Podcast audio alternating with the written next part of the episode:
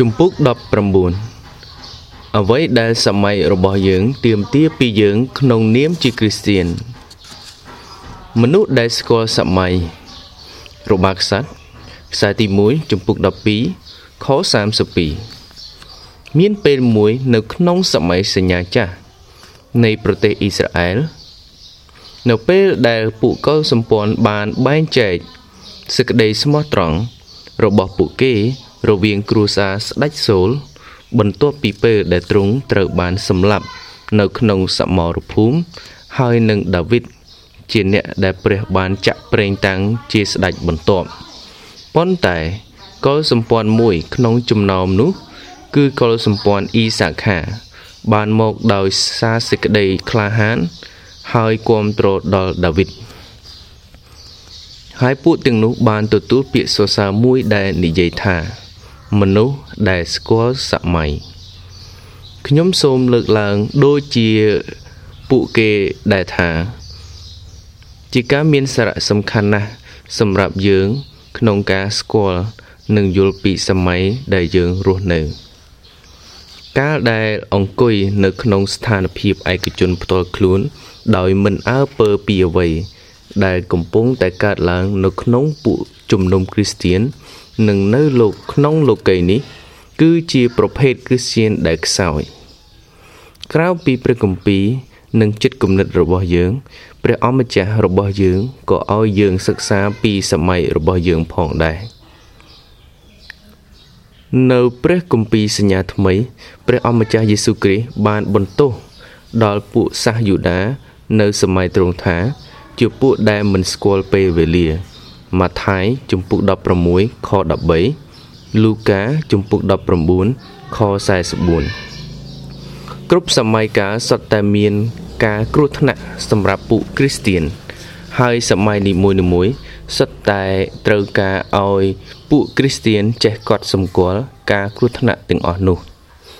ឯត្រែក៏ដូចគ្នា បើលឺសូរមិនច្បាស់ នោះតើនឹងមានអ្នកណា ប្រុងប្រៀបខ្លួនទៅច្បាំងបានកូរិនថូសខ្សែទី1ចំពុក14ខ8 1សម័យដែលយើងរស់នៅនេះ តម្រូវឲ្យយើងរក្សាសេចក្តីពិតនៃជំនឿគ្រីស្ទៀននិងអំណាចនៃព្រះគម្ពីរជាព្រះបន្ទូលរបស់ព្រះជាម្ចាស់ ពាក្យសម្ដីរបស់គ្រូគង្វាលដ៏ល្បីម្នាក់ដែលបានសរសេរនៅឆ្នាំ1736នៅតែជាការពិតដ៏គួរឲ្យកត់សម្គាល់នៅពេលបច្ចុប្បន្ននេះ គឺថា មានពេលមួយ មនុស្សជាច្រើនមិនមានការយកចិត្តទុកដាក់គឺថាជំនឿគ្រីស្ទៀននឹងមិនមែនជាប្រធានបទមួយ សម្រាប់គេចង់ដឹងទៀតទេប៉ុន្តែ អស់រយៈពេលយ៉ាងយូរនៅបច្ចុប្បន្ននេះ គេគិតថាជារឿងប្រឌិតទៅវិញមិនតែប៉ុណ្ណោះនៅសម័យនោះពួកពួកគេប្រព្រឹត្តនឹងវាប្រៀបដូចជាចំណុចឯកភាពមួយ ក្នុងចំណោមមនុស្សដែលចេះវិនិច្ឆ័យហើយគ្មានអ្វីសល់នៅទាំងអស់ក្រៅពីធ្វើឲ្យមានប្រធានបទនៃរឿងព្រេងកថា និងរឿងអស់សំណើច ហើយសេចក្តីជំនឿនោះប្រៀបដូចជាទុនកម្មដោយព្រោះវាមានការសំខាន់ដល់សេចក្តីស្រាប់ស្រាលខាងលោកីរបស់ពួកគេ ដកស្រង់ពីសេចក្តីផ្ដើមនៃសភៅ Analogy of Religion របស់លោកគ្រូគង្វាល Butler នៅក្នុងសារព័ត៌មានទស្សនាវដ្តីសៀវភៅការបង្រៀន និងពេលខ្លះសូម្បីតែនៅក្នុងសេចក្តីអធិប្បាយអ្នកនិពន្ធ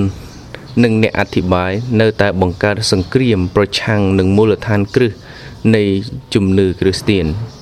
ជារឿយៗទស្សនវិទូហើយនិងអ្នកវិទ្យាសាស្ត្រប្រាប់យើងថា មនុស្សគ្មានការអប់រំមិនអាចជឿជំនឿសាសនាដ៏អស្ចារ្យមួយ ឬព្រះគម្ពីរឬភាពដែលអាចកើតឡើង នៃការអស្ចារ្យបានឡើយសេចក្តីពិតដូចជាព្រះត្រៃឯកភាពជាព្រះនៃព្រះគ្រីស្ទបុគ្គលិកលក្ខណៈនៃព្រះវិញ្ញាណបរិសុទ្ធនិងវត្តមានរបស់អរិយហើយនឹងភាពពិតនៃនគរស្ថានសួគ៌និងស្ថាននរក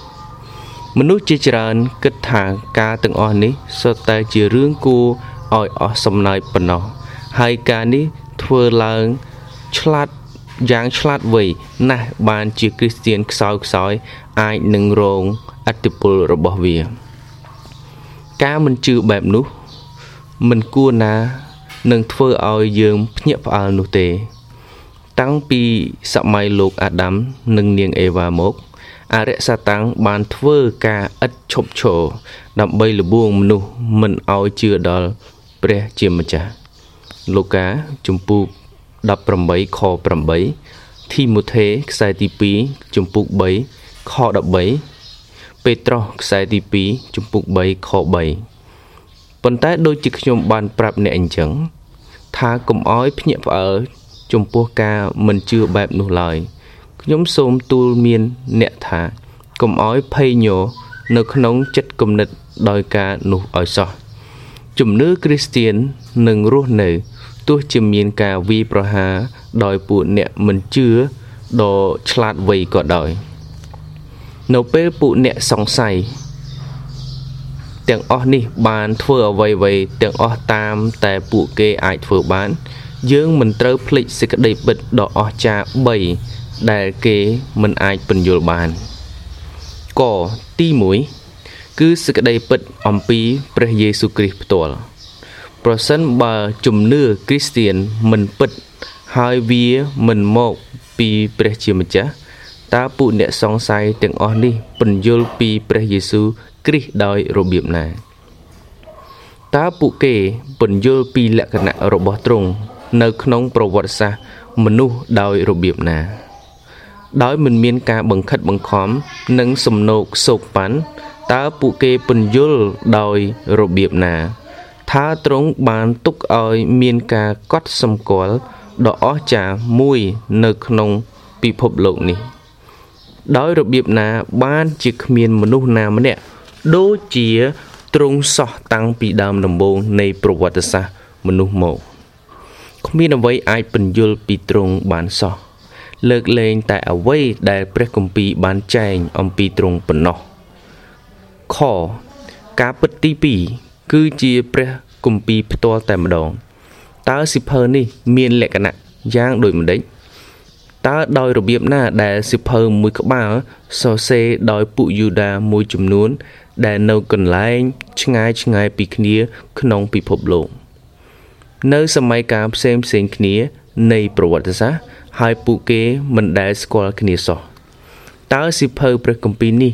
នៅតែមានវត្តមាន ដោយព្រោះសេចក្តីល្អរបស់វាដោយរបៀបណាតើវាជាសិភៅដ៏ជ្រាលជ្រៅជាសិភៅដ៏សាមញ្ញនិងដ៏ប្រកបដោយប្រាជ្ញា ត្រឹមត្រូវឥតកំហុសយ៉ាងដូចម្តេចបាន គេអាចពន្យល់ការនេះបាន ដោយព្រោះសិភៅនេះមានលក្ខណៈអធិធម្មជាតិហើយមកពីព្រះជាម្ចាស់ប៉ុណ្ណោះគោសេចក្តីពិតទី3 គឺជាឥទ្ធិពលដែលជំនឿគ្រីស្ទៀនបានជះដល់លោកីប្រសិនបើជំនឿគ្រីស្ទៀនគ្រាន់តែជាការបង្កើតរបស់មនុស្សមិនមែនជាព្រះបន្ទូលរបស់ព្រះចុះធ្វើដូចម្តេចបានជាវាធ្វើឲ្យមានភាពផ្សេងគ្នា ចំពោះសន្និដ្ឋានសន្តានរបស់មនុស្សមានបាបតើមានអ្វីទៀតដែលពួកអ្នកសង្ស័យអាចពន្យល់ពីភាពផ្សេងគ្នាខាងសិលធម៌ ដែលជាលទ្ធផល នៃសេចក្តីជំនឿចំពោះមនុស្សមុនពេលជឿនិងក្រោយពេលជឿតើយើងអាចពន្យល់ដោយរបៀបណា ពីភាពខុសគ្នា រវាងប្រទេសនានា ដែលមានវត្តមានជំនឿគ្រីស្ទៀនហើយនិងប្រទេសនានាដែលគ្មានវត្តមានសេចក្តីជំនឿគ្រីស្ទៀនជាការពិតណាស់ជំនឿគ្រីស្ទៀននាំមកឯចំណេះដឹង នៃសេចក្តីពិត និងសេចក្តីបរិសុទ្ធរបស់ព្រះដល់យើង នោះទៅអាចពន្យល់ពីអត្តពលរបស់វាចំពោះលោកីបាន2សម័យដែលយើងរស់នៅ តម្រូវឲ្យយើងមានគំនិតរឹងមាំច្បាស់លាស់ពីគោលលទ្ធិគ្រីស្ទានខ្ញុំមិនអាចនៅស្ងៀមស្ងាត់បានទេខ្ញុំខ្លាចក្រែងគោលលទ្ធិនៃជំនឿរបស់យើង ត្រូវបំផ្លាញដោយការធ្វេសប្រហែសនៅក្នុងពួកជំនុំក៏ដូចជាពួកដេញដោលនិងពួកអ្នកមិនជឿនៅក្រៅក្រុមជំនុំផងមនុស្សជាច្រើនដែលថាខ្លួនជាគ្រីស្ទៀនហាក់ដូចជាមិនប្រកាសអំពីគោលលទ្ធិត្រឹមត្រូវនិងគោលលទ្ធិខុសឆ្គងសោះពួកគេងាយនឹងរងអតិពលពីពួកអ្នកអធិប្បាយឆ្លាតវៃ ឬដោយគំនិតថ្មី និងគំនិតគួរឲ្យចាប់អារម្មណ៍ការប្រកាសមួយអំពីមនុស្សបែបនេះ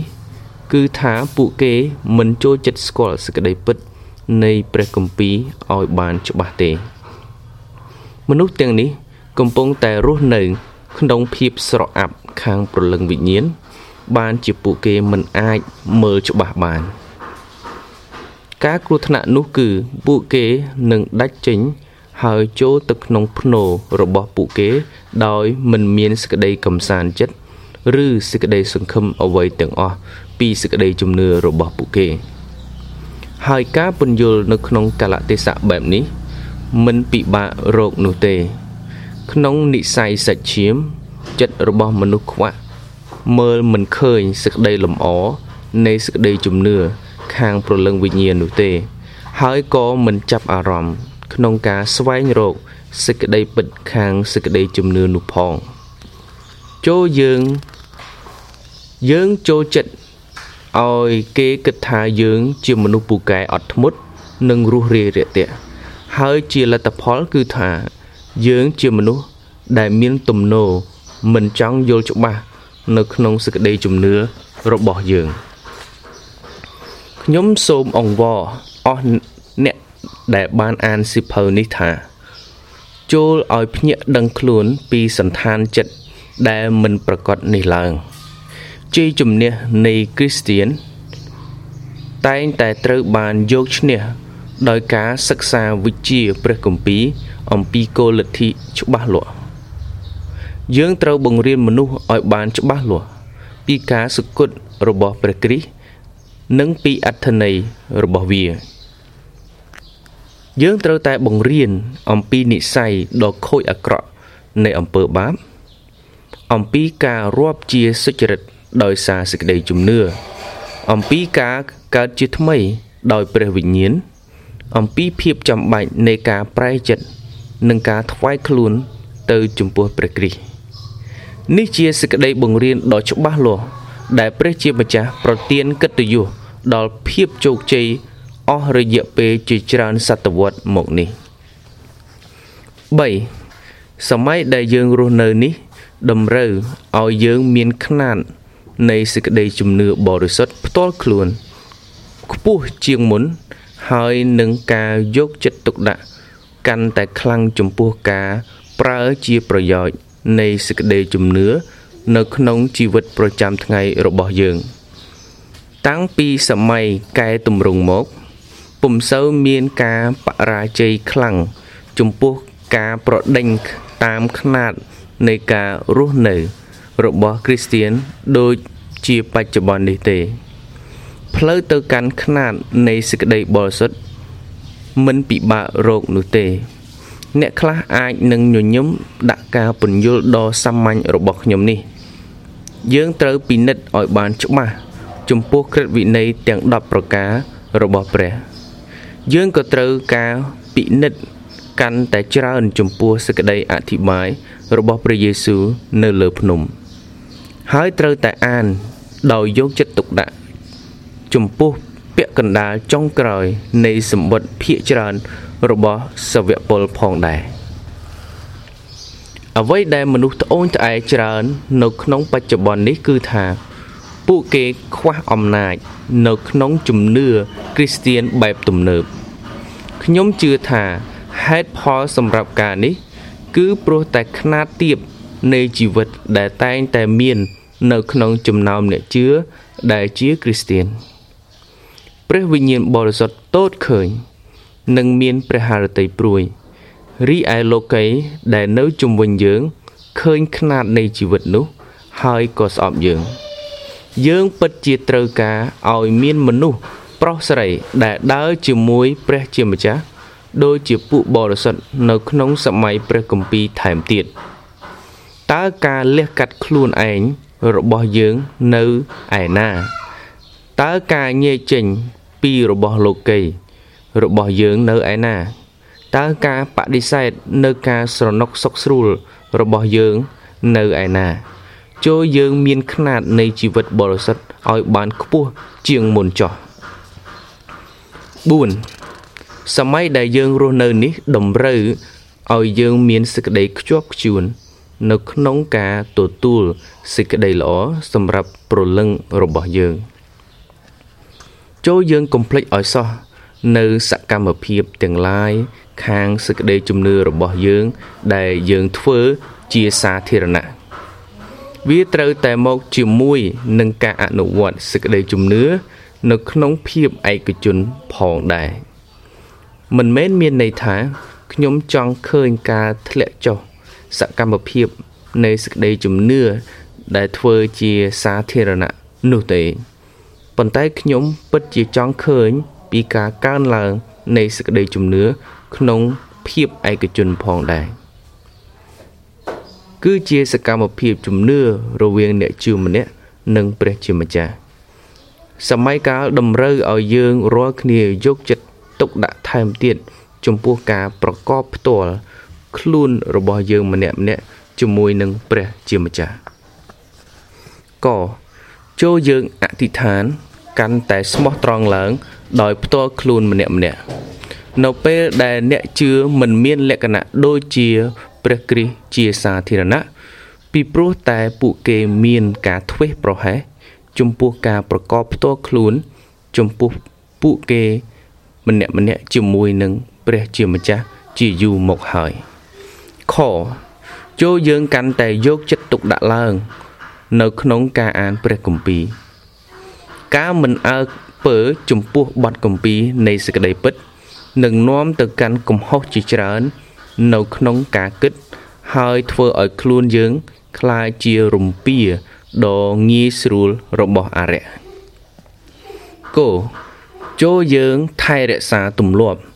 នៃការសិញ្ជឹងគិតផ្ទាល់ខ្លួនរបស់យើង យើងត្រូវការពេលវេលាដើម្បីអង្គុយដោយស្ងៀមស្ងាត់ ហើយពិចារណាដោយយកចិត្តទុកដាក់ពីស្ថានភាពខាងប្រលឹងវិញ្ញាណរបស់យើង ដើម្បីឲ្យយើង មានសេចក្តីប្រកបជាមួយព្រះជាម្ចាស់និងសេចក្តីពិតនៃព្រះគម្ពីរសេចក្តីខាងប្រលឹងវិញ្ញាណរបស់យើងពឹងជាចម្បងលើការប្រកបផ្ទាល់ខ្លួនរបស់យើងម្នាក់ម្នាក់ជាមួយនឹងព្រះជាម្ចាស់ត្រូវឲ្យចូលទៅក្នុងបន្ទប់ហើយបិទទ្វារគឺជាព្រះបន្ទូលរបស់ព្រះយេស៊ូវដែលត្រូវបានគេធ្វេសប្រហែសយ៉ាងខ្លាំងនៅសម័យនេះ ម៉ាថាយជំពូក6ខ6តើខ្ញុំអាចទុកសំណួរមួយចំនួន សម្រាប់អ្នកបានទេឧទាហរណ៍តើអ្នកមើលឃើញពីគ្រោះថ្នាក់ជាក់លាក់ណាខ្លះនៅក្នុងសម័យដែលអ្នករស់នៅនេះដែរឬទេ ហើយនៅក្នុងពន្លឺនៃការគ្រោះថ្នាក់ទាំងអស់នោះតើអ្នកប្រកាសច្បាស់ឬទេ ដែលអ្នកធ្វើការទាំងនោះ សម្រាប់ជាសេចក្តីល្អដល់ប្រលឹងរបស់អ្នក ចូលភ្ញាក់រលឹកពីភាពមិនច្បាស់អំពីសេចក្តីពិតនៅក្នុងនាមជាសេចក្តីសប្បុរសនិងការអត់ធ្មត់ចុះបងប្អូនអើយគួរឲ្យអ្នករាល់គ្នាមានចិត្តឧស្សាហ៍វិញ ដើម្បីនឹងធ្វើឲ្យដំណើរដែលទ្រង់ហៅបានរើសតាំងអ្នករាល់គ្នា បានពិតប្រកបឡើង គឺជាដំបូន្មានដែលសាវកប៉ុលសាវកពេត្រុសទូលមានដល់អ្នកជឿ ដែលរស់នៅក្នុងសម័យមួយ ដែលមានគ្រូបង្រៀនคล้ายៗជាច្រើន ដែលបង្កបញ្ហាដល់ពួកជំនុំពេត្រុសខ្សែទី2ជំពូក1ខ10នៅចុងបញ្ចប់នៅក្នុងគំនិតនៃគ្រោះថ្នាក់ខាងប្រលឹងវិញ្ញាណនៃសម័យដែលយើងកំពុងរស់នៅនេះតើយើងកំពុងតែខំធ្វើការល្អខាងប្រលឹងដល់ប្រលឹងអ្នកដតីដែរឬទេ មានការដែលត្រូវធ្វើច្រើនណាស់ដូច្នេះត្រូវប្រើគ្រប់ឱកាសដែលអ្នកអាច ដើម្បីប្រកាសដំណឹងល្អដល់អ្នកដទៃទៀតចូលចាំថា ជាញឹកញាប់ព្រះជាម្ចាស់ធ្វើការជាមួយការដ៏តូចទាបបំផុតនៃអ្នកបម្រើរបស់ទ្រង់ចូលបដិញ្ញាបដិញ្ញាចិត្តថាគុំទៅស្ថានគុំទៅនគរស្ថានសួគ៌តែម្នាក់ឯងឲ្យសោះ